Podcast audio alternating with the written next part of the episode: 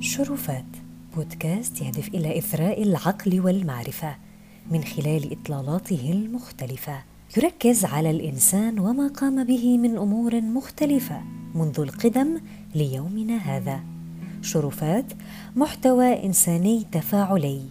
أنتم جزء من قصصه.